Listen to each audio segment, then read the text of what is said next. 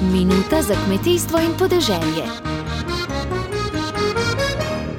Evropski parlament je na sredinem glasovanju prepričljivo z 299 glasovi proti in 207 za zavrnil predlog uredbe o trajnostni rabi pesticidov, ki ga je želani pripravila Evropska komisija in je bil zaradi neustreznosti deležen izjemnega števila dopolnil.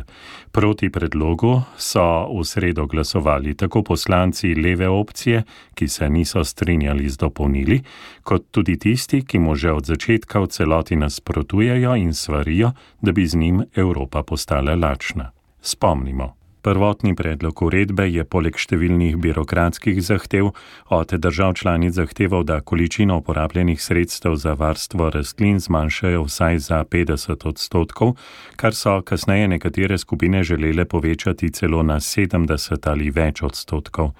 Za slovensko kmetijstvo je bila najbolj sporna zahteva, da se na vseh varovanih območjih ne sme uporabljati nobenega fitofarmacevskega sredstva, tudi tistih ne, ki so do dovoljena v ekološkem kmetijstvu.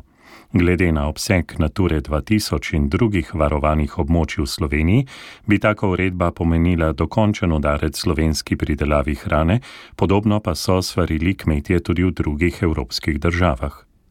Zato so si predvsem poslanci Evropske ljudske stranke prizadevali, da bi predlog komisije popravili tako, da bi dosegel razumne cilje varovanja narave in hkrati ne bi Evrope naredil odvisne od uvoza hrane.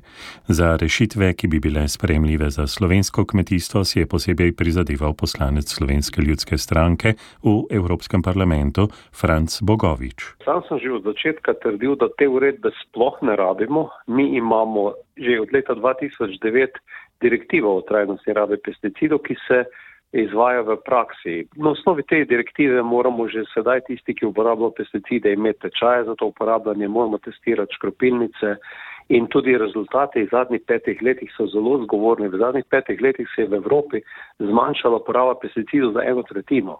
Se pravi, ta cilj bo dosežen, brez da bi bruselska birokracija iz teh bruselskih foteljev ukazovala kmetom, kaj naj počnu. Evropski poslanci so včeraj zavrnili tudi pobudo, da se predlog vrne na odbor Evropskega parlamenta za okolje v dopolnitev, kar pomeni, da se je obravnava predloga v tem zakonodajnem obdobju najverjetneje končala. Več boste slišali v nedeljski kmetijski oddaji. Dobro se je zavedati, kmetijstvo nas vse preživlja.